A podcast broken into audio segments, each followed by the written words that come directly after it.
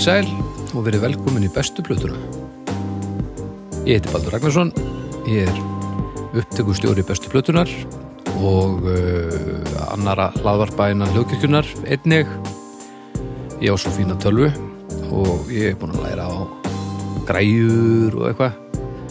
Og það er ekkert mál að taka upp hljóð, ég get nú satt ykkur það. Þið það nútið sem eru að velta fyrir ykkur, allir sé mjög erfitt. Þetta er að það er unni ekki, ekki þannig. Þegar maður er búin að læra þá er þetta vel létt. YouTube, YouTube er þetta. Uh, Hjá mér eru stættir tveir menn. Uh, annars vegar Dr. Arnar Egert.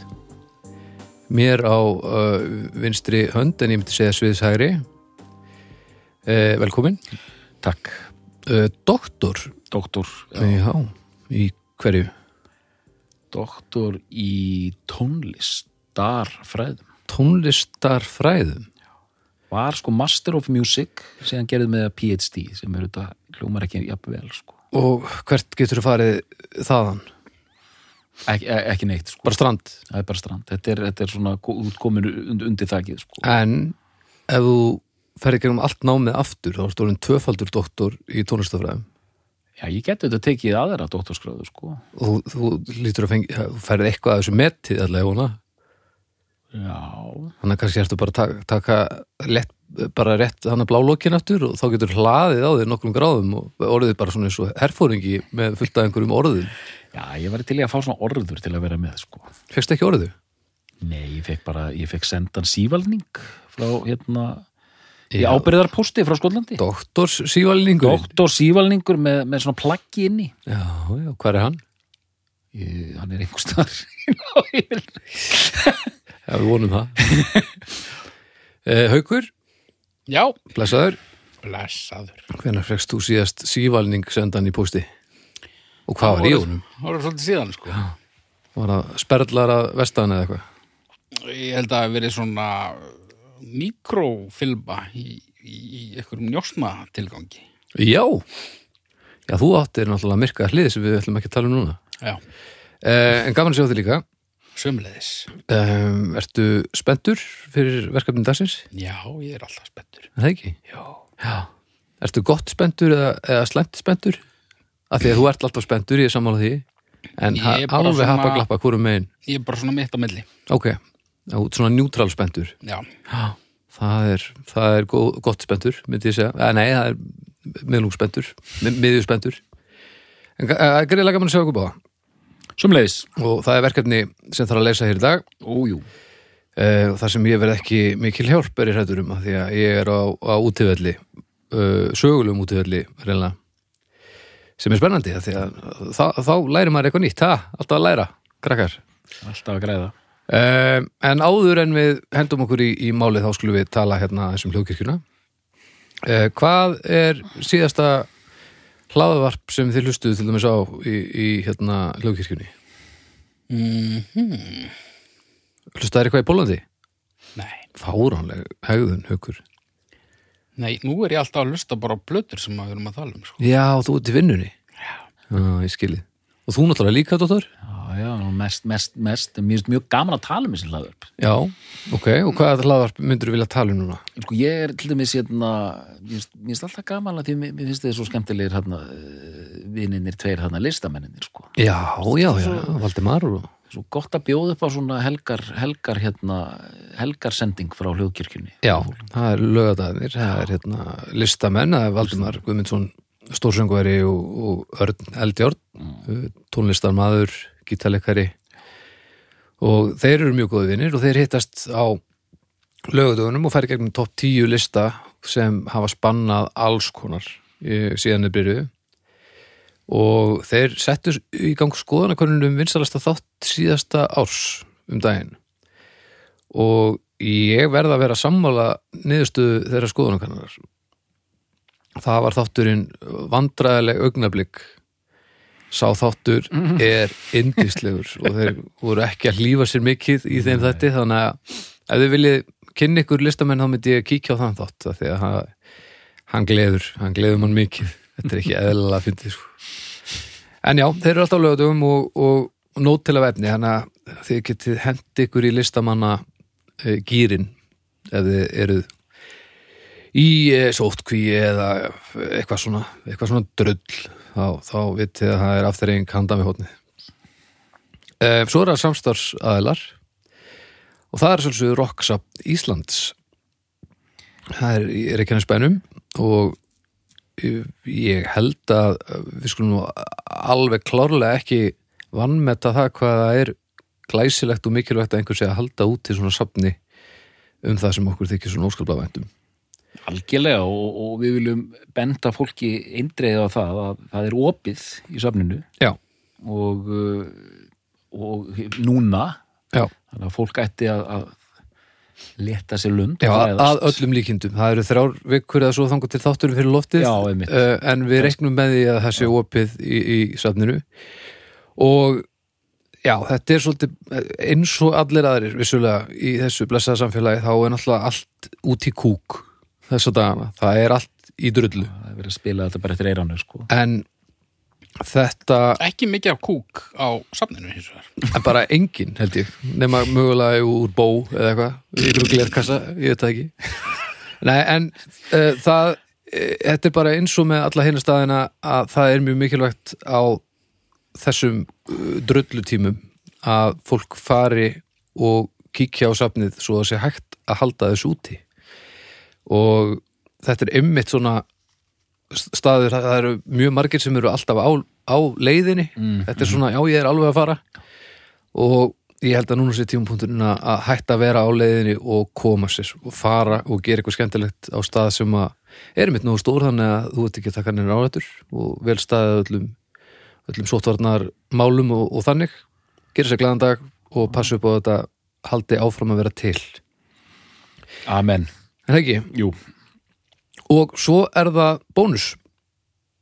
Það er bónus sem að hérna, hefur nú aldrei stuttið bakki á hljóðkirkjunni í gegnum tíðina. Heldur betur. Það er uh, maturu sem við þekkjum öll mjög vel. Og hérna mér langar kannski bara að tala aðeins um það hvað bónus hefur verið döglegt í gegnum tíðina að bræðast fljótt við breyttum aðstæðum í heiminum. Eins og þetta að vera fyrsta verslunin sem að, að hérna, hættir með plastbókana og færi sig þá yfir í þess að niða, niður, svona, sem brjót, brotna niður mm sem eru búin til úr, já, hvað var að mægis einhverju og, og alls konar fimmleikar. -hmm. og svo náttúrulega farið yfir í e, fjölnota pókana og mér, ég var eitthvað að googla og, og, og sjá einhverja tölur og eitthvað og mér skilst að, að því að það er náttúrulega svo langt síðan að þau kveikt á perunni að það séu meira svona upp undir hálf miljón uh, fjölnota pókar í umferð á Íslandi núna frá bónus. Sem þýðir að, að eiginlega bara lang flestir þetta geta sniðgengið eitthvað sem þú kaupir og notar einu sinni. Þó það brotni niður, þá er fjölunóta dótið, það lítur að vera besta leiðin sko. Ég með nokkra heima á mér. Og mér finnst, já, þetta er þetta er bara pínu eins og það er bara gaman að- að að átta sig á því að, að sumir eru að fylgjast það vel með að þeir kveikja snemma á perunni. Og þó maður gerir það ekki sjálfur þá þegar að maður fattar það, þá getur maður allavega gert sitt. Er með, með góðri hjálp þannig að það er helviti gott. Ætli fjölnótapókandi sem maður á með gamla svíninu, ætli þeir hérna, fari fyrir eitthvað seðil bráðum á, á eBay eða eitthvað? já, já, já, það fúlgur. Já, alveg fúlgur, ég held að þetta, þetta er rarity og ég myndi ríkhaldi þá að þetta þetta mun alveg rjúk upp í, í verði held ég sko. Já. en takk Rocksapn og uh, takk bónus fyrir að aðstofa okkur við að gera þennan þátt hérna. En þá skulum við kíkja á það sem við ætlum að ræða. Og eins og ég sagði á hann ég er á sögulum útvöldi þannig að ég er, ég er spenntur en ég verð nú hérna með síman á lofti ef, að- ef að þeir verðið eitthvað í ruglinu. En þið ætla að tala um Echo and the Bunnyman mm Já, Liverpool sveit Leifupúlsveit Já, ég, úst, ég er bara þarna, ég veit ekkert sko. þannig að ég þarf einmitt bara að fá bara, þið þurfa að leiða mig í gegnum þetta allt saman. Uh, Hvor ykkar kom með kom með þetta? ég kom með þetta. Uh, Já, ég hérna, ég áttaði mig síðan á því þegar ég fór að undirbúa þáttinn að þú rugglaðist á bandi. ég vissi voða lítið um hljómsveitina sko. og Ok. ákveðnar plötur sem ég held upp á. Ok, svo fór ég aðeins að lesa mig til og svona. Já, og þá kemur bara í ljós að Það- að- þetta er ekki svona mjög viðburðaríkur ferill. Ok. En uh, við ætlum nú samt bara að hafa gaman hér og tala um góða tónlist og, og doktorinn, hann ætlar að halda í höndina mér. Á meðan á þessu stendur. Uh, allt ferlið allt ferlið já, Við ætlum, við ætlum að njóta okkar? Það væri nú, hefði nú verið svolítið gaman eh, ef við hefðum plottað það fyrirfram ef við hefðum áttað okkur að því að Baldur vissi ekkert sko, og ljúa öll ljúga öllu. Og bara, þú veist einhvern veginn komaði þannig í kringa að þú værir ekki með síma. Já, bara værum að fara að tala um indversku trip-hop sveitina Echo and the Berlin það er ekki kveikt á neinu held ég. Stopnuði Bombay hérna já, já, 1702 Já, sko mér varst bara gaman þegar ég sá að Haukur ætlaði að stilla þessu fram hérna, en við kenni þú veist, það er bara svona, já, why not? Þú veist og þetta er svona hljómsveit hvað orðið var að nota? Þetta er mikilvæg hljómsveit þetta er, hún er alveg temmilega stór og það allt en, en ekki risastór sko. ég held ég, það sé ég ekki hægt að segja það sko. Nei. Bara svona ein af, af, af mörgum sveitum uh, frá Breitlandsegjum uh, sem tilheyra þessari uh, ef við skulum kalla bylgu Já. en hérna eiga hann nokkra fanta góðar plöður Mhm. og uh, það kom nú í ljósa síðan bara eftir eftir að ég hætti að hlusta eða þú veist, hérna ég þekkti í rauninni bara nýjunda áratvíðin hjá þeim sko ok þannig að ég var bara frum hlusta á allt hitt Varst er- þú vel að þér í, í öllum ferlirum eða varst þú í sama sama bát? Já, á, í, í hérna í, í, haf, í ha, báturinn sem siglir um haf í rigningarhafinu. Já. í sama síðmyrkri í sama síðmyrkrunu og rigningarhafi. Já, þú, þú, þú, þú greipst þessa stóð, stóðsendingu ég, ég, já, greipinn sko. En að Veist að leikurinn er búinn. Og, og, og önnur stóðsending hérna vel gert Baldur. Já, maður reynir, það er ekki eins og maður vitt eitthvað hérna, jú, ég, ég myndi segja að, að, að hérna já, nokkurn no, nokkurn veginn á sama bát og hérna, henda einu ein, einni pillu til hérna en ekki pillu þess að e, eitt konfektmóli hérna til, til þáttastjónanda Ok, tónlistin er svona ef þú myndir taka U2 já. svona fyrripart U2 mm og Joy Division -hmm. og bræða það saman Ok, næs er svona sirka bát þar sko. Það getur, það getur næs og það getur verið ömulegt Það er alveg og, og það er líka því að hann segir ekki viðbörðaríktan haukur það, það er svona pínu sorg af því að e, aðalmaðurinn Ian McCulloch mm -hmm. e, hann er mikil egoisti. Ok, og hann vildi alltaf og hver vill það ekki, hann vildi alltaf að bandið yrði bara næstu U2 eða Police eða whatever. Hann vildi alltaf að það yrði risastórt sko. Ok. En þetta er hérna hérna Neðanmálsgrein. þannig sko, þetta er Þetta er- ofarlega í, í annari dild sko. Þetta er allavega ekki gott plan að leggja út í feril með þetta. Nafn. Nei, já, bæði nafn og sem plana ætla að verða næsta eitthvað. Það get, það virkar eiginlega aldrei og ég ætla bara að fá að segja hérna áður en hérna að, að við vorum svona hræra í planinu ég og Haukur og hérna ákvaðum að, að þetta er alltaf þryggja hérna þátt að lota og við ákvaðum að setja ekkvandi bönnum en síðasta. Já, og þá sagði ég við Hauk auðmikið Ian McCulloch hann hérna dregur alltaf stista stráið. Sko. alltaf við bronsinu. Alltaf í bronsinu kallgreiði sko. En þetta er náttúrulega ljómsveit sem að er að, að slíta barnskónum á bara sama tíma og, og YouTube í rauninni. Já. Fyrsta platan er þarna 80-81 80 þannig að hérna e, það hefur væntalega ekki verið viðmiðið alveg strax í byrjun sko. Nei, en maður er nú lesið þú, þú kallar hann egoista og, og það er einmitt, einmitt orð sem að mér finnst lýsonum ágætlega. Hann hérna uh, mikið af þessum yfirlýsingum hans myndu mig á það sem við töluðum um í XTC þættinum. Hann vinnur okkar hann Andy Partridge. Hann uh, vill bara meina það að hann sé bara eitt besti söngveri heims. Já, hann í hann. Já, já, já, ok. já. Og, og er það rétt auðvunum að Nei, en nei. hann er rosa fýtt söngveri sko, og rosa góðu söngveri í því sem hann gerir. Það er bara svo auðvelt að verða lélir söngvar en maður er með því að segjast vera betri en maður er. Já, hann, hann sko, í sko líklega þekktasta lagið með hérna ekkondi bænum minn heitir The Killing Moon.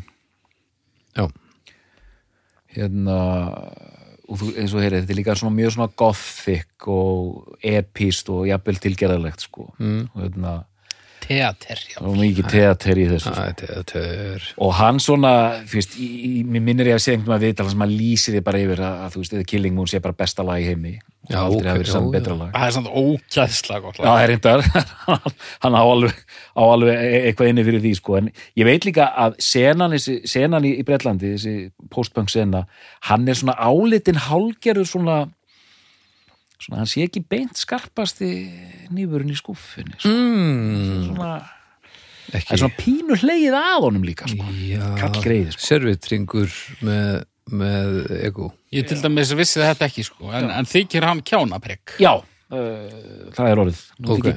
sko. þannig að hann er ekkert eitthvað að fara í bústað með bónu Þannig að hann heldur kannski ennþá að hann sé í bara U2 level stóru bandi. já, menna það Já, ég veit ekki.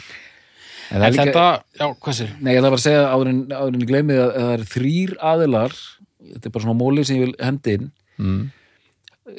þessi postpunk sena í Liverpool það var hérna það er Ian McCulloch og hérna einhvern banni menn síðan var band sem hétt Pete Wiley and the Mighty Wah ok, og síðan er Julian Cope hann væntalega hefur einhver heitt þetta nafn hérna? Julian. Cope, Julian Cope.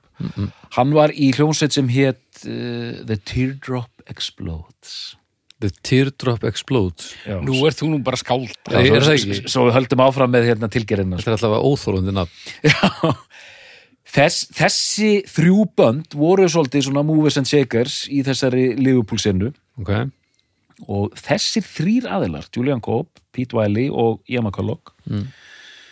Voru saman hljómsveit sem var kölluð uh, The Big Three Já, þetta er, svo, þetta er svona ígildi þess að sko, heiðar í botleðu Biggi Mös og Frans í ensými hefðu verið saman í tríói sko, árið 1989 eða eitthvað sko, áður en allt fer af stað sko. og kalla sér sleggjurnar það, kalla sér sleggjurnar sko. þannig að þess að þrjásleggjur voru all, all, og þetta gekk það ekkert þú veist, þetta er eins og að hafa þrjá þrjá Jakob Fríman í sömu ljónsæti eða eitthvað sko.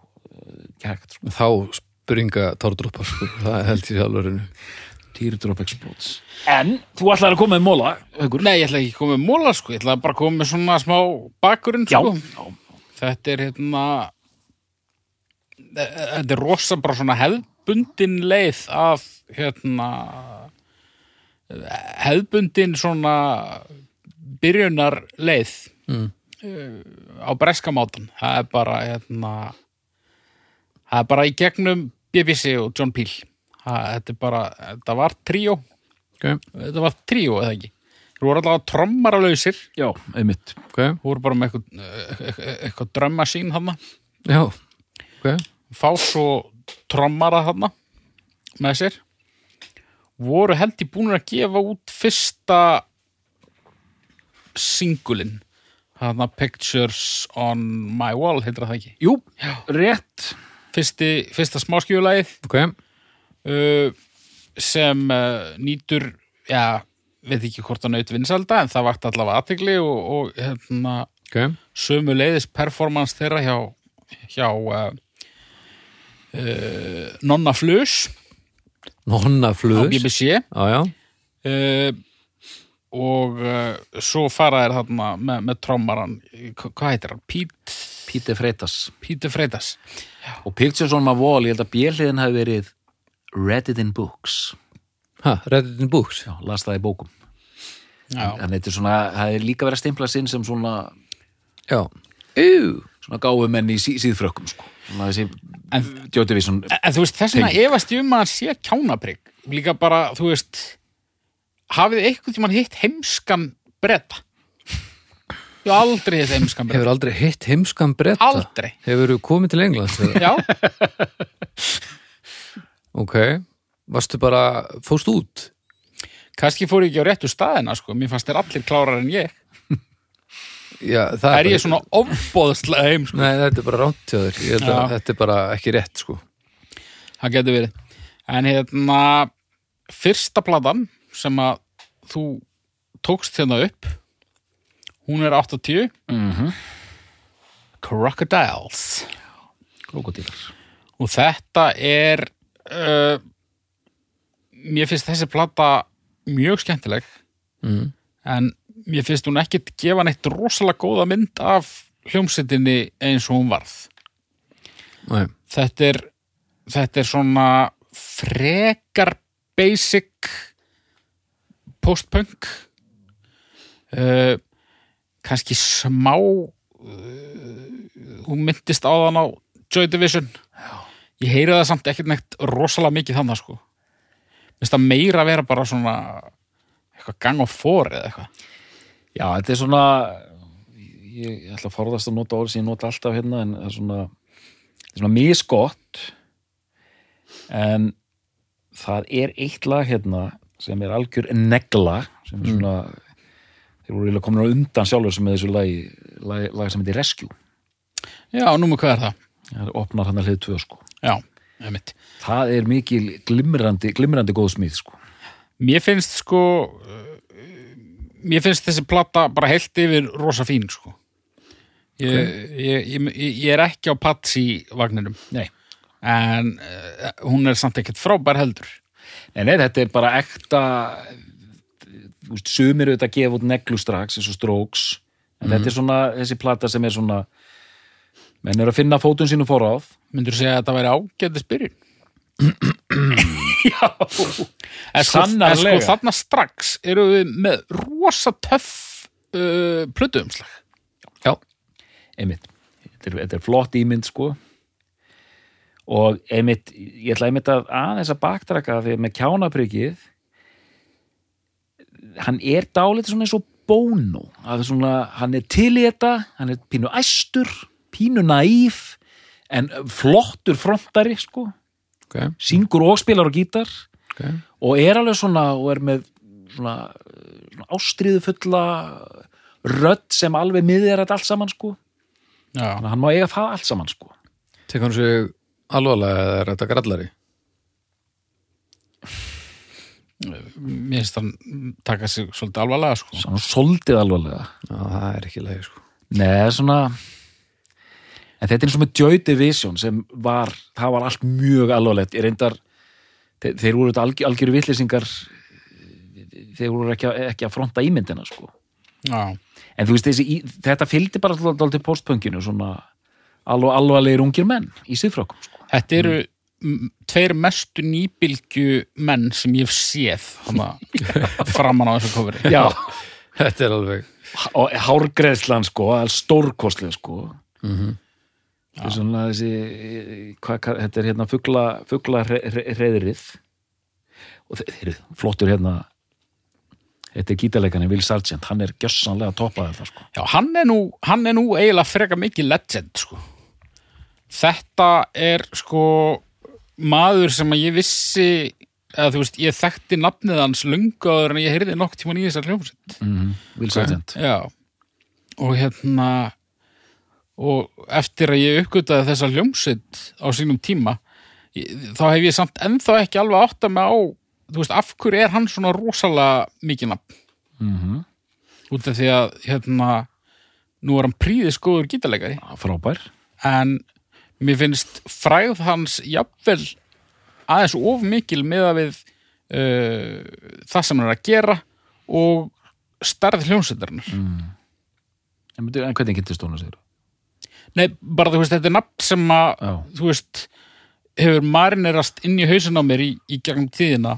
Mm. skilur og miðaðu hvað hérna hvað ég hefði heyrt þessu nafni fleikt oft þá, þá kom það mér á óvart þegar ég komst að því að, að hann væri ekki í einhverju risabandi sko. já, já, ég skil, ég skil, ég skil og að er heyrum hann sem svona flott. gítarhetju þá ég man nú ekki einu svona í hvaða samengi Nei. sko. Nei, hann er eitthvað verið að gesta spila eitthvað Primal Scream en það er bara sent hann er, hann er algjört legend sko. og, og hann er mjög skemmtilegu gítalegari já, mjög svona inventive Já. sér, sér, hérna hérna já, með gott svona sérkenni maður, maður þekkir gítarleikina sko.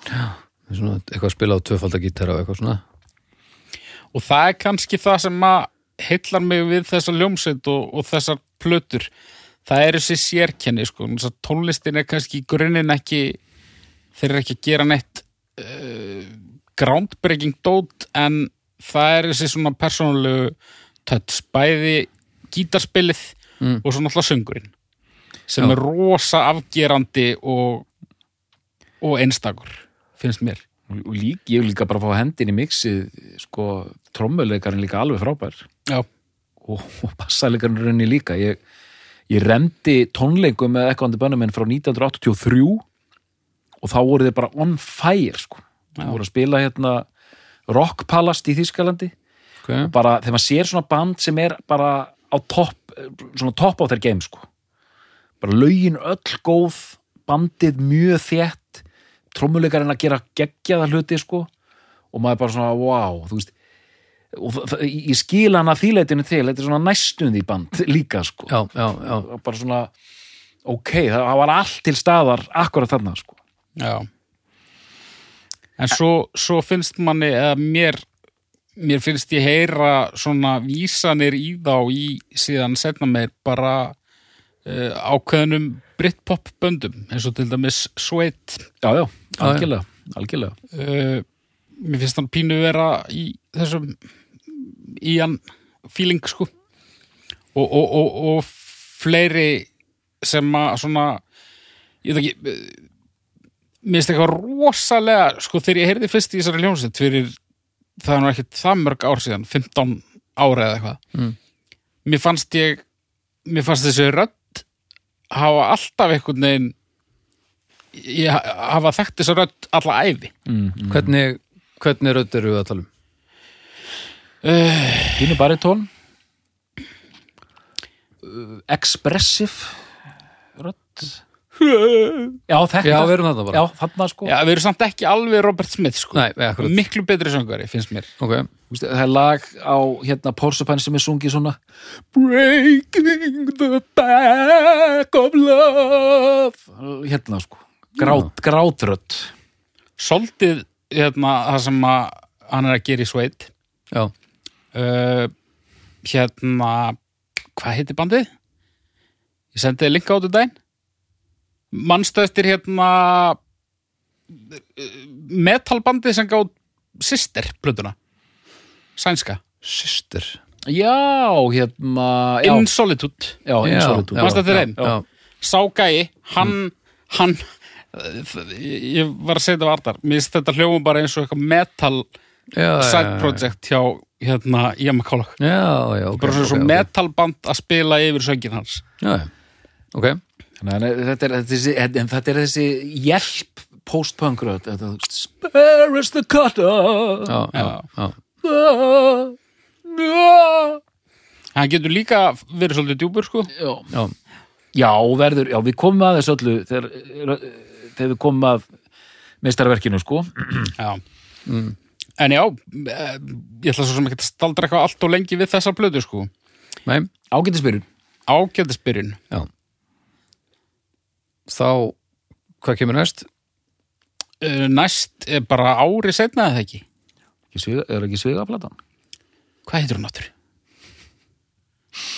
Porcupine er nummer þrjú. Nei, það er, næst er það Heavens Up Here. Heavens Up Here, já. Heaven, 81. heaven up here. Það er bara eitt, Já, já. Eitt þinnan ekki. Og, og þar er soundið svolítið að koma, finnst mér. Ok, Umslægið, sko, þeir standa allir í gráum frökkum á ströndinni. Gott umslag já, Snillt. Helviti fínt. Um, já, hún er þetta er aðeins meira að gerast þetta er svona orðið aðeins þéttara ég svona ég er samt svona aðeins andvarpandi sko. Já, er svolítið þung. Já, minnst lögin ekki alveg vera komin en, en sándið er uh, næstu því komið. ok, það er geðveikt lag þar sem ég er búin að vera með á heilanum í margar vikur. Ok. Ég er búin að hlusta svo mikið sko hefna, að því að þessu var fresta sko ég er búin að hlusta á þetta of, of mikið það er hérna lag sem heitir Over the Wall.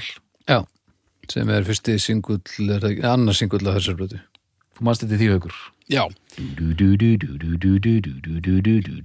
en þarna heyrist munurinn á mér og doktornum sko út af því að hérna við bara ljósturinn því hér, hér með upp að við lendum í smá hérna, það var smá hérna, sóttkvíjar töf Sottkví er töf sóttkvíjar töf þannig að það er svolítið, það er svolítið síðan að við ætluðum að taka upp hennar þátt. Mm Mhm. doktorinn tæklaði það þannig að hann hlustaði bara þeim meira. Já, en ég tæklaði það þannig að það er bara ennþá lengra síðan að ég var að, að sósa mig í þessu sko. Kvildir Já. já, En hérna, já, það er flott lag og þetta er ágæðsplata og hún fekk fína dóma held ég. Hún uh, þykir góð. Já og þetta er mjög eh, svo heyribaldi, þetta er stigvaksandi og þetta heldur áfram enn. Já, ok við erum komin að hérna Hanna eru hlutir að gerast. Porcupine kemur út 83 og það er bara smelt í ljósmyndasessjón á Íslandi. Það er ekkert öðruvísi. Og myndbandagerð. Myndbanda þetta eru, Íslandsvinir. Þetta eru Íslandsvinnir og þeir ná meira sér að vera sko þeir eru hipsterar þrátt fyrir að þeir séu einhverjum hérna út, útilegu uh, fatnaði þarna. Já. þá eru þeir ennþá hipsterar sko já, já, það eru, 65, þeir eru í útilegu fatnaði svo er einn 65 gráða norður. Það er ekki með. Svo er einn í, í einhverju auðlýsingu frá herragarðinum 80 og eitthvað. Ja, þetta er Freitas, er það ekki? Hann var svo mikil hérna eh, svona kvenna ljómi Já, og svo er einn bara svona eitthvað kabbáta uh, sjóliði hérna. já, ok, þeir verðast nú vera þá undir flest búnir. Þetta þokkalega er- bannaðir öll þessi cover eru geggjuð sko. já, þau eru stórkostlega sko. Já, þau eru stórkostlega þeir ætla að taka þetta eitthvað starf annar staðar og hérna svo voru þeir allt í nú Íslandi bara. svo allt í nú voru á Íslandi og þeir töluðu nú um að þetta hefði verið ágætt ferð en, en að þeir hefði ekki alveg verið uh, reyðbúnir í, í, í þessa vósbúð nei, þeir voru ekki klættir hefur veðri, þeir voru klættir fyrir kúlið. Þú eru grættið fyrir gúlið já, já, en ég meina allir, allir komið heiminn ekki þetta er eins og því ég fór með vinn minn Sigga Finns hérna í Mývasveitina og hann var eins og hann var í nýkomin út af kaffibarnum sko þegar við vorum að fara að klifra upp einhver fjöll þarna sko. Já, en þarna erum við með sko eitt af þeirra bestu lögum og eitt af þeirra þekktustu lögum og það myndband var tekið upp hér. Ok, The Cutter. The Cutter. The cutter. Sem byrjar á svona einhverjum indverskum fiðlum. Mjög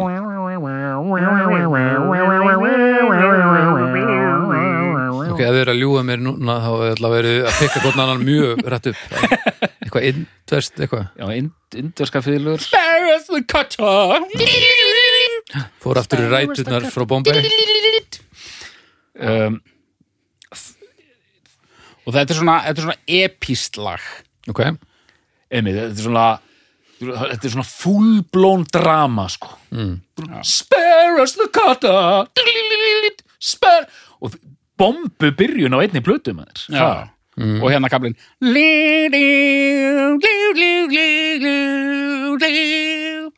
og hann er oftar með svona arabíu lykkjur á gítanum sko.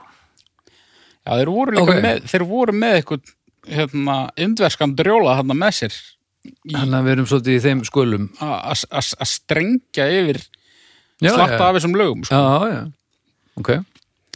Síðan sko bara, eh, eh, hún fer svo vel að stað þessi plata, The Cut er sem Back of Love sem er bara svona rosa intense dramatíst lag, allt á fullu.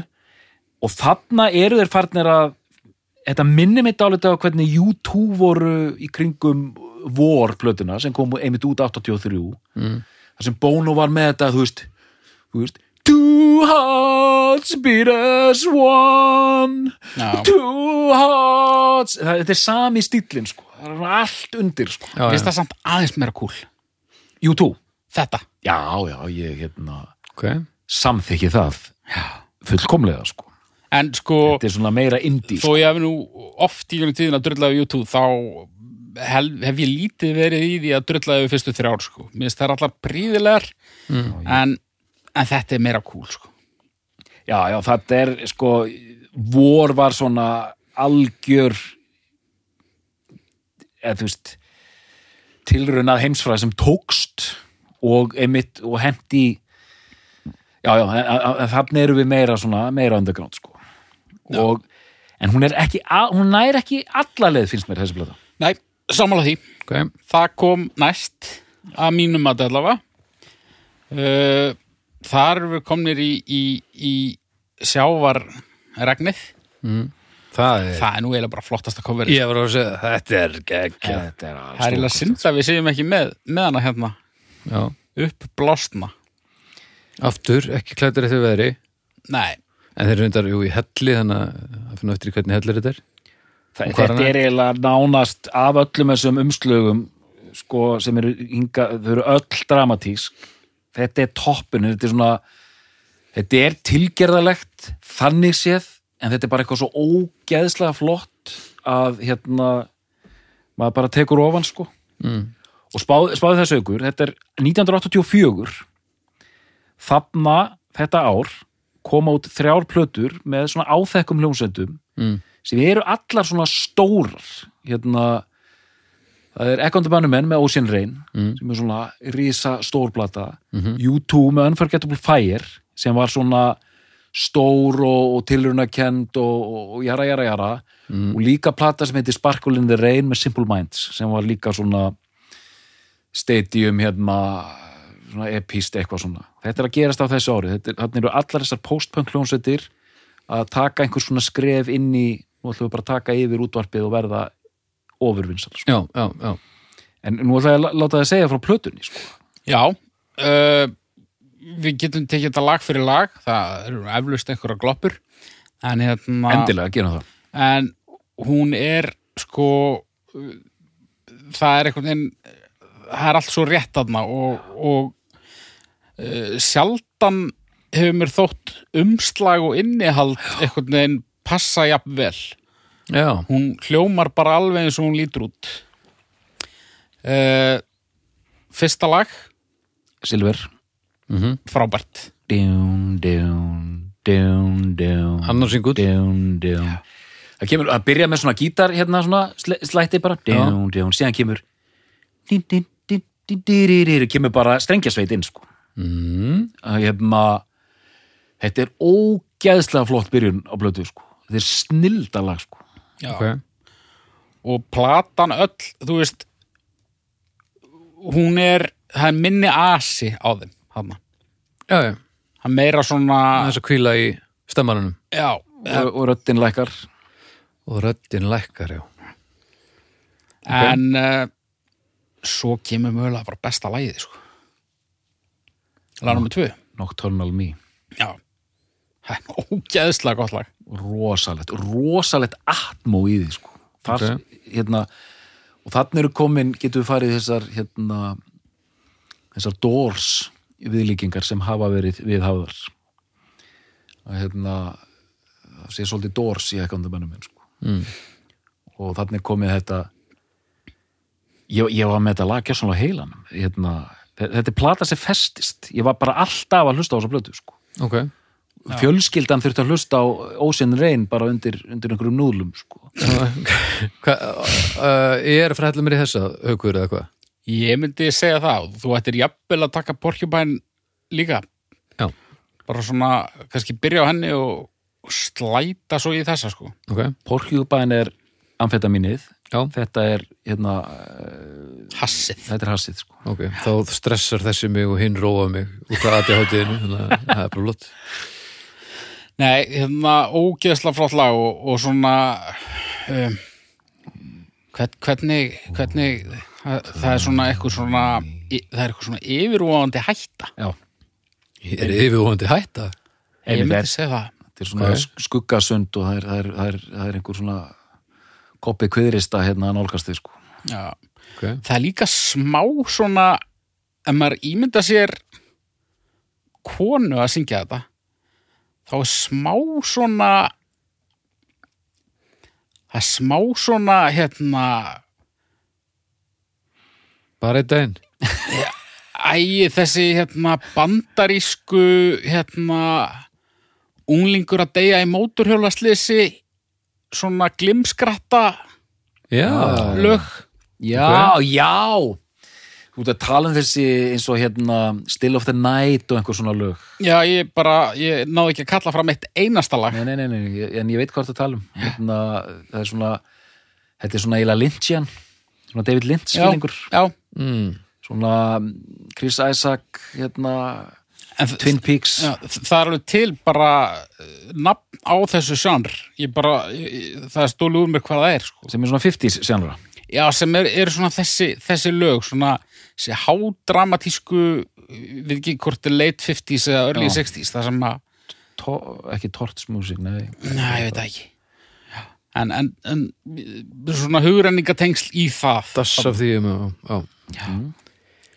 Svo, Þristurinn já, það mér finnst það jafnvel sísta lagið. Veitu hvað lag er það? Crystal Days. Já, já, þetta er svona en, en það er rétt sem Haukur segir það, þetta er mjög eh, öll platan er hvað segir maður, þetta er rosalega heilstift plata, það, Ok. er, það er engin það er, ég veit ekki hvað gerðist hjá hljónsettinni það, þannig er þeir gjörsanlega springa út sem lagasmiðir. Mm.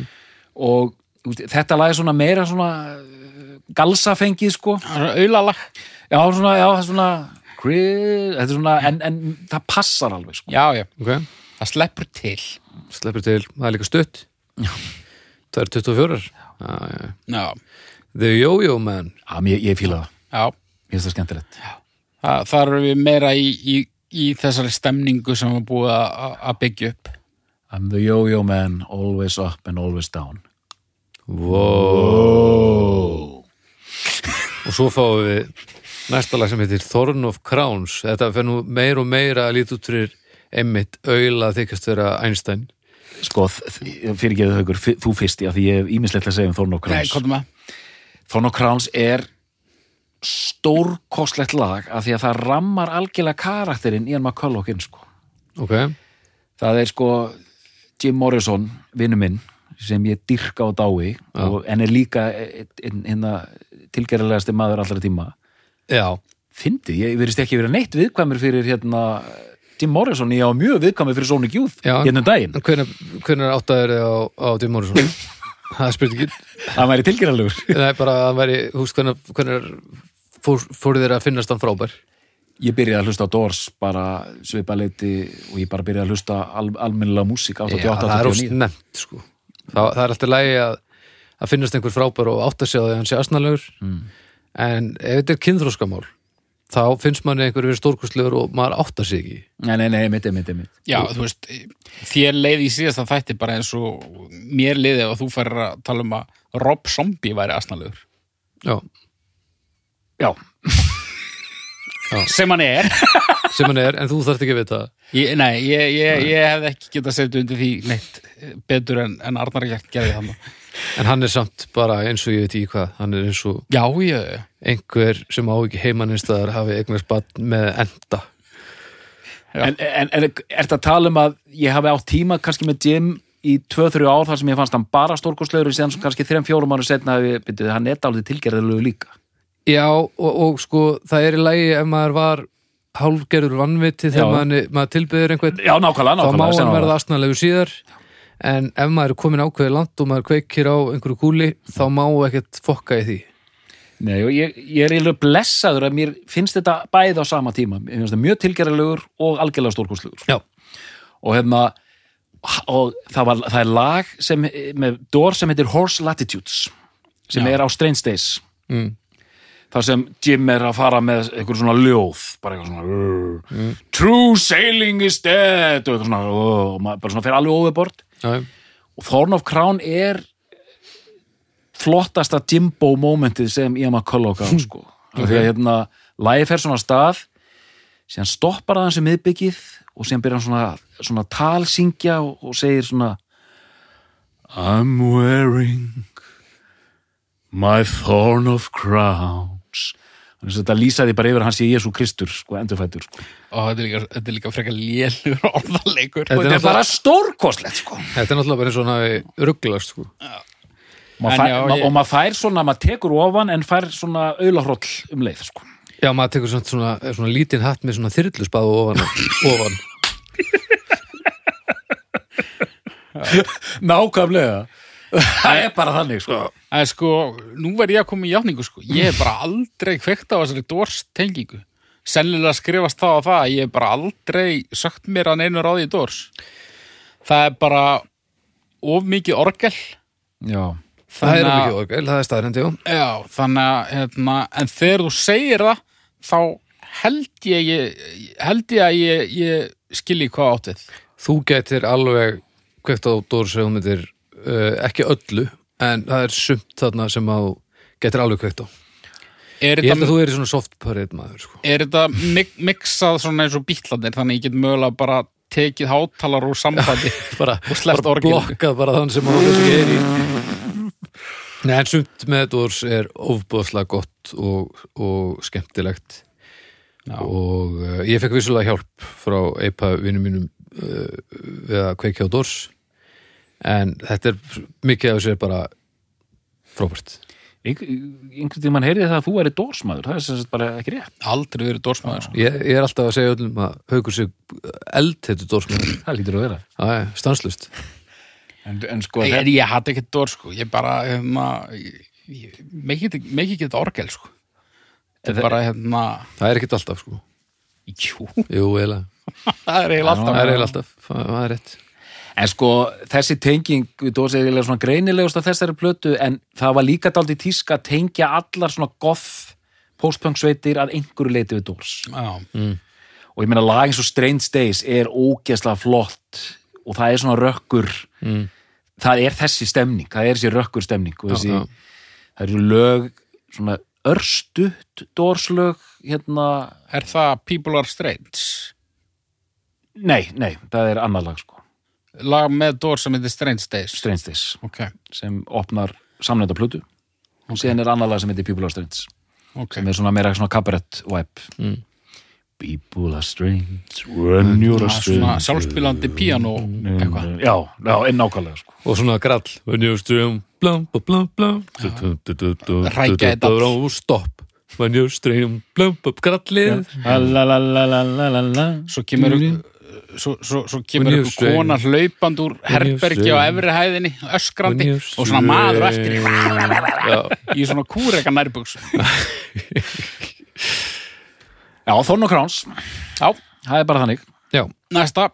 Uh, já, ég var nú búin að ég var komin hérna annað í, í rannsóknarvinnunni, þá náttúrulega komum við bara að The Killing Moon. Hvað getur maður sagt, sko? Það er alveg ofbóðslagt lag, sko hvernig er það?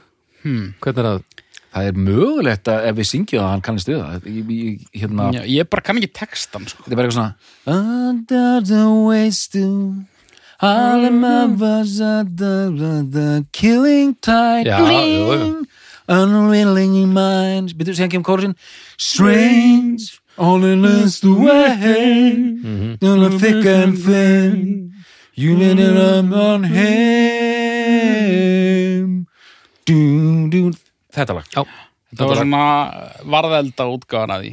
En það er úkslega dark og móti. Já. Þannig við vorum ekki að gera það góð skil. Nei, En bara, já, en, en frábært lag algjörlega frábært lag og algjörlega viðheldur þessari dark stemningu sem búin að vera á plötunni sko. þetta er líka bara svolítið svona senses working overtime nema þeir fara aldrei í viðlæð já, já, já, þetta er svona já, líka sko hann, hann sagði frá því hvernig hann hefði sami lagið. Hann tók hljómana við hérna eh, held ég Space Odyssey hérna með David Bowie. Og snerið þeim við. Eða hvort það var Starman Starman hérna hljómanir og snerið þeim bara við sko. Já, latur. Já. Og það, það, það, það, þetta viðkenna bara sko. Já, já, og en þetta er ótrúlegt lag þetta er bara og þetta er lag sem fer inn á þú veist, ef maður er að hlusta á retro já, bílnum, þá kemur þetta lagstundu Þetta, er alveg, þetta er alveg það stort sko. Þetta er það stórt lag sko. En, en langstæsta lagið er sko. Já, Mér finnst þetta svona þetta hljóma nú eins og bara stæk vanvirðing við Echo en, en svona jafnvel að með öðruvísi söng þá gæti það verið eitthvað svona early 90s rólegur R.E.M. hittari.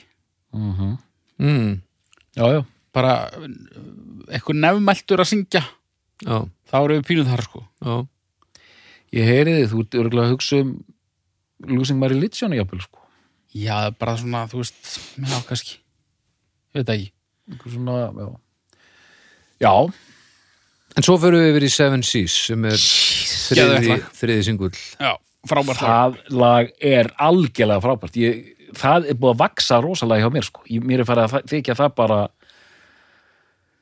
það er bara alveg magnað. Hérna þegar jólabjöllunar koma inn, Já, því lík snilt. Ha, Kemur, þú veist, lagið byrjar eitthvað meginn. Þetta er heilsósplata, samt er ekki? Jú, jú, það bara kemur eitthvað svona að þetta er svo rétt ákvörðun það er svona uppbygging sem koma allt í henni bara djún, djún, djún, djún bara snjókvæmt falla sko Það er samt og rosa skrítið ef þetta er ekki jólalag veist, þetta er bara eins og segja já, við erum hérna gera bíómynd og hérna það er gamall maður hérna inn í húsi, já, herðu jú, notum jólasöfn, það væri bara skemmtilegt. Ég held að hendi mjög vel í þetta hlutverk þetta er alltaf ekki jólamynd, en ég meina þetta er, þetta er, þetta er rauði tónar og skemmtilegt. Við setjum þetta lag á þegar við erum búin að hérna, búin að taka upp hennar þátt sko. þetta er svona fárlega hvernig það virkar. Já, ég, ég, ég er mjög spenntur að heyra þetta virka þetta er, þetta er alveg, alveg út í hött sko. ég heyra það ekki eh, núna. En jólabjöllur eru náttúrulega bara bjöllur, sko. Sleðabjöllur eru, eru það er eitthvað annað en, en sleðabjöllur en það eru samt bara jóla sound, skilur Já, þú veist, hó, hó, hó eru bara samhljóði og já. sérhljóði en, en ef þú segir þetta þú veist, Þetta eru samt ekki sleðabjöllur Nei, þetta er svona klukkur. Já, já, það, er, það má nota þær vissulega í viðara samiki menna fyrsta sabbathplatan byrjar bara á mjög downtúniðum jólabjöllum. Já, já, en, en lagið sko vel sami lag hérna slatta köplum í því einhvern veginn þetta er bara mistaralega gert sko. Ok spennandi, svo er það My Kingdom. Já, þokkalegasta lag. Ríkidæmi mitt og svo uh, Ocean Rain. Já, sem þú varst að núðlulagið þitt. Núlilagið sko og bara öll platan búin að umikja krakkarnir mínir hlusta bara á ekkondi bönnum en á XTC alla daga sko. Já. Þetta er bara það sem þið heyra sko. En þú bara að streyma allir eru þið ekki alveg að fíla draumurinn þetta? eru bara eitthvað, hvað sér þið? eru þið ekki alveg að fíla þetta? Jú, stelpinn að fíla English Settlement alveg í bótt Svo við getum hent í Jethro Tull þátt ef þú vilt svona reyna á þolmörkin hjá þeim einmitt sko það er, þegar ég heyri að, þegar ég sé að fjölskyldan er að fíla eitthvað eins og, þú veist, Ósinn Reyn var bara á repeat Já. það er þegar allir eru segir engin eitt sko og fólk er bara svona í fíling Já, annars kæmi fljótlega, hvað við að hlusta á sko? já. þannig eru allir bara vel sáttir sko og já, já. þar eru við. Þetta er, þetta er verkið. Og mér finnst þetta bara ég er svolítið gladur að einhver tíman fann ég hjá mér þörf haukur, ég fannst ekki þekkja Ekkondi Bönnumenn katalógi nógu vel og straujaðan mm. fyrir einhverjum árum síðan. Já, núna fór ég meira deep dive sérstaklega í óseinrein og er bara núna ánum samfæður um að þessi plata er bara algjört meistarverk og lít þekkt meistarverk verði ég að segja, mér finnst það eiginlega hálfgerð synd sko, já, hún er miklu betri heldur en orðspóri segir til um sko. þá er þetta velvalið já, ég held það sko. Ég hérna ég bara svo kemur platan á eftir þessi samnemda og eftir það þá var ég bara Lens. lens sko. Bara í höfninni Já, ég, ég sk- skimaði þetta allt saman en, en hérna, sko þessi plata er ágætt.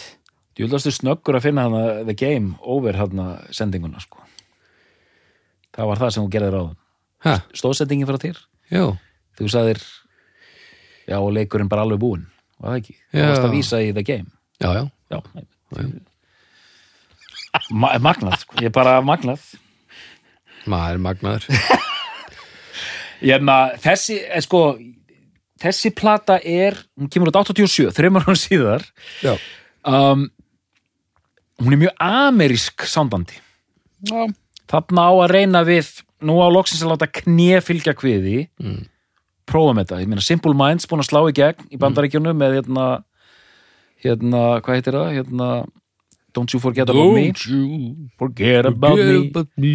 U2 orðnir risar líka í bandaríkjunum. Nú ætlar Ian Já, nú, við, þurfum að, við þurfum að fá þetta líka. Já. gerum þetta strákar. Landa þessu seti. Þannig að það er svona, heyrðu, og það er allt Gil Norton, hérna, prodjúsar það er svo sem prodjúsaði hérna hérna Gil Norton. Gil Norton, hann prodjúsaði hérna uh, hérna Pixies plötu nummer 2 Já, hérna Doolittle Doolittle hann Ha. prodjúsaði Doolittle, svo sem prodjúsar þessa plötu meðal annars. Uh, ah, ok, það vísu bara eitt lag en hans er hérna í stórum stöðum Lori Leitham sérum já. Rest, sérum restina sko. Gil er það mögulega astnalasta nafn í heimi Gil, Gil maður á ekki að heita eitthvað sem maður segir þegar maður er að kýtla börn Ég held að Virgil sé aðsnalega já, það er ekki gott En mér finnst þessi plata, hún er of poppuð og of sakkarín sigur legin fyrir minn smekk sko. Mér finnst hún bara óvenjuleg Já. Mér finnst lögin á henni flest alveg ljómandi fín Mm. En mér finnst þetta svona eh, Svolítil vörusvik Já. Eh, Einhvern veginn eh, Þeir hefðu bara átt að keira á þessari stemningu og, og, og fara lengra með hana og, og Algjörlega sko. þá er enginn að tala um bad seat sko. en, en fara bara í svona basic svona, þetta er svona eins og bara þegar kjúr voru að gera mest basic dótið sitt mm. ég upplýði þess að plötu þannig já, bara ok. svona Friday I'm in love Já, já. einmitt, þetta er bara svona uh, það búið einhvern veginn að spæna þetta allt í burtu, drulluna sko. já þeir líta líka út eins og hálfvitar Já, á þessu coveri sko. það er alveg flott en þeir eru alveg eins og hálfvitar Og það er alveg flott já en ég, er, ég hef alltaf sko, ég hef alltaf verið svag fyrir þessum hárgreislum sko, Þarna bæði eh, skálaklippingin og, og, og, og, og hreðrið en þessi tveir líti út eins og þessi í bros sko. Eða, hérna, þetta það virkar ekki alveg sko. já, þeir eru bara hérna voðalega og þetta ár þetta er trommarinn, sæti trommarinn hérna De Freitas sem var nú helviti góðu trommari, þetta er bara sinn hérna, mm. hann deyr sem sagt, ha, langt fyrir aldur fram móturhjóla slýsið ekki Já. já, á Ok. einhverju fyllir í jafnvel sko. hvað hann hétti? eh, hérna Freitas? De Freitas, Tony De Freitas nei, P- P- Pe- Peter Freitas, Peter ásækir. Lewis ég var Vince- að fara leiðrætta og segja Gil de Freitas Gil De Freitas, djú, Peter Lewis Vincent de Freitas hétt hann, fullu nafni. Hann deyr bara sama ár, eða ekki? Og var búin að vera 89 Já, búið, já, það var búið, að- já, setna en það var búið að vera vesen, vesen á á kallinum sko. 27 ára. Núna sko Ian McCulloch hættir í hljómsveitinni. Og ég ætla bara aðeins að henda þessinn að hérna, Ian McCulloch hættir fyrir mm. soloferil, gefur út tvær soloplötur hérna Candleland og Mysterio. Eh, hætti Ian sagði já? Ian hættir. Og í fílu bara eða? Já, ég veit ekki hver hver, hver er li- mála hver mála tilbúinar var. Ok, en hljómsveitin heldur áfram gefur út plötu 1990 með nýjum söngvara. Ok. Sem er ekkert sérstök ljótt cover. Mjög ljótt. Ég var að fara að segja ógeðslega Já, já, rosalegt, hérna hér. Uh, Ian McCulloch og hérna það er og einhver reifplata hún fekk hörmulega dóm allavega.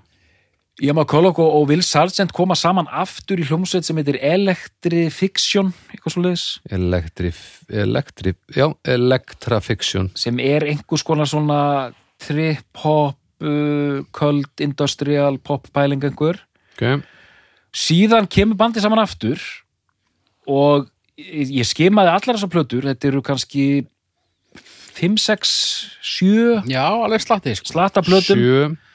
Og engin þeirra eh, sérstaklega fyrstu plötun er mjög hægar og ekki á jákvæðan átt, fyrir eitthvað leiðilegt. Þetta er Evergreen 97 Aha. What Are You Going to Do With Your Life? 99, Flowers 2001 Si- uh, Siberia Já. 2005, The Fountain 2009 Meteorites 2014 og The Stars, The Oceans and the Moon. Já, það er einhvers konar endurvinnsla sko. Já ok, þá er þetta sex plötur og endurvinnslu plata 2018 en þetta er eins og við höfum talað marg oft í þessum þáttum, þetta er bara svona ek- Echo and the Bunnymen plötur með einhvers konar Echo and the Bunnymen soundi en enginn sem sker sig úr neitt. Nei, og, og ekkit af þessu er hræðilegt.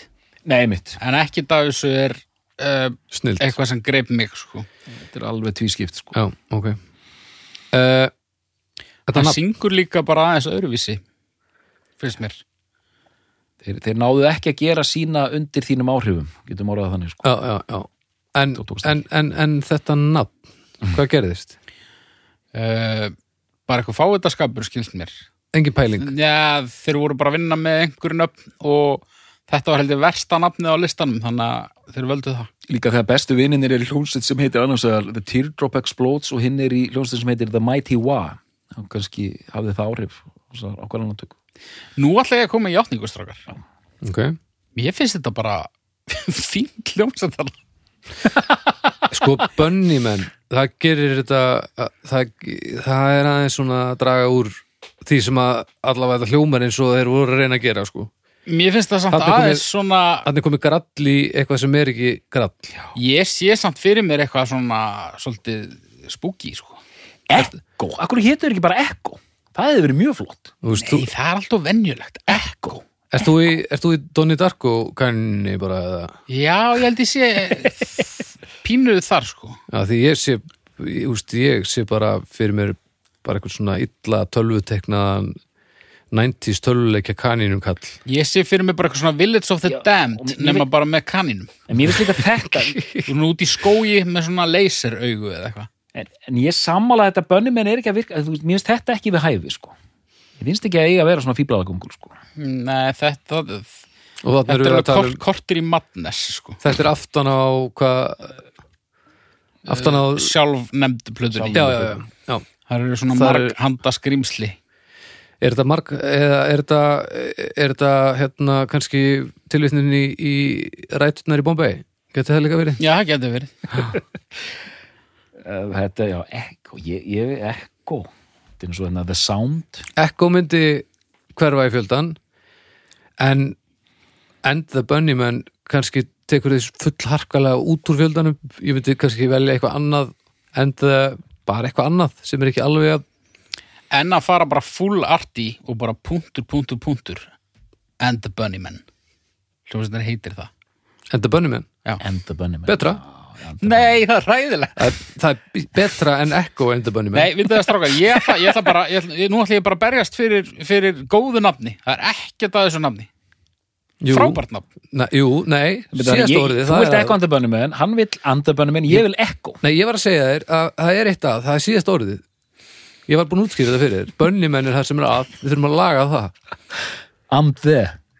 Mér finnst það bara Eða Crocodiles Þú veist, eða væri bara eitthvað Echo and the Rockets þá erum við bara með, þú veist eitthvað rockabilly glimskratta rock, sko. Já, já, Echo and the Rockets já. Þú veist hvað eh, ég, ég staðhæfi það hér með það er ekkert annað orð sem væri betra. Herðu, en segðu mér eitt hugur ég, við færum þetta yfir umræðahópin Echo and the Já. hvað er þið betra en the Bunnymen Já. og ég held að þetta sé léttasti leikur sem hefur verið settur á internetið. Okay. Ég var að setja þessi þrjú nafnin Nei, við ætlum að fá upp á stungur frá hlustendum af því að við erum ekki að fara að leysa þetta akkurat hérna núna.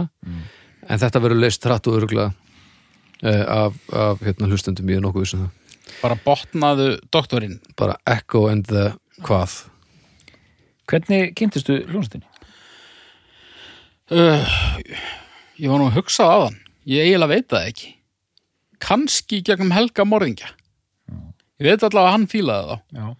En ég veit líka á sem er trommuleikarinn í hljómsveitinu morgunum uh, og hefur ekki myrt neitt Já.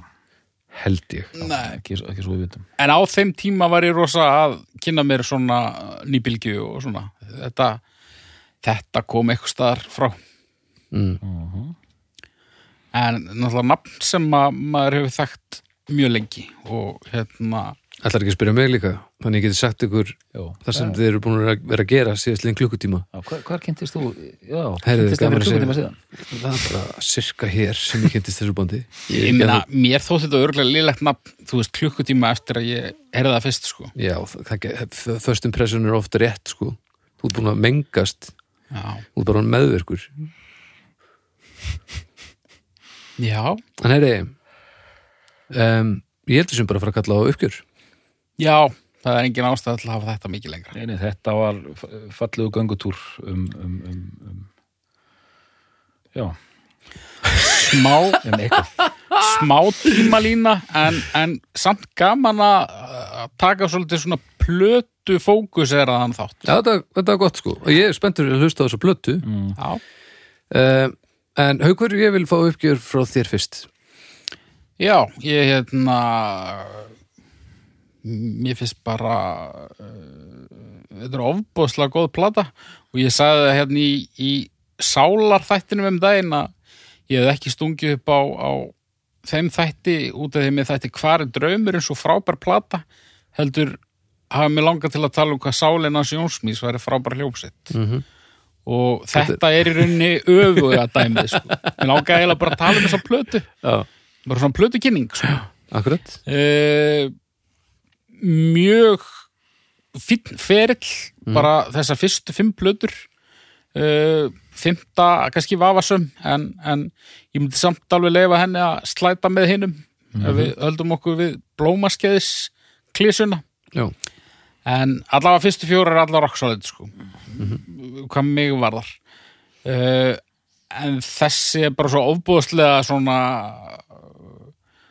hún fer með mig á einhverja einhverja, drungalega en notalega staði sem að og bara ókislega góð lög og, og hérna og einmitt eins og þú segir uh, það er þetta það er pínu pirrandi hvað þetta er ekki svona stærra dæmi en það er sko.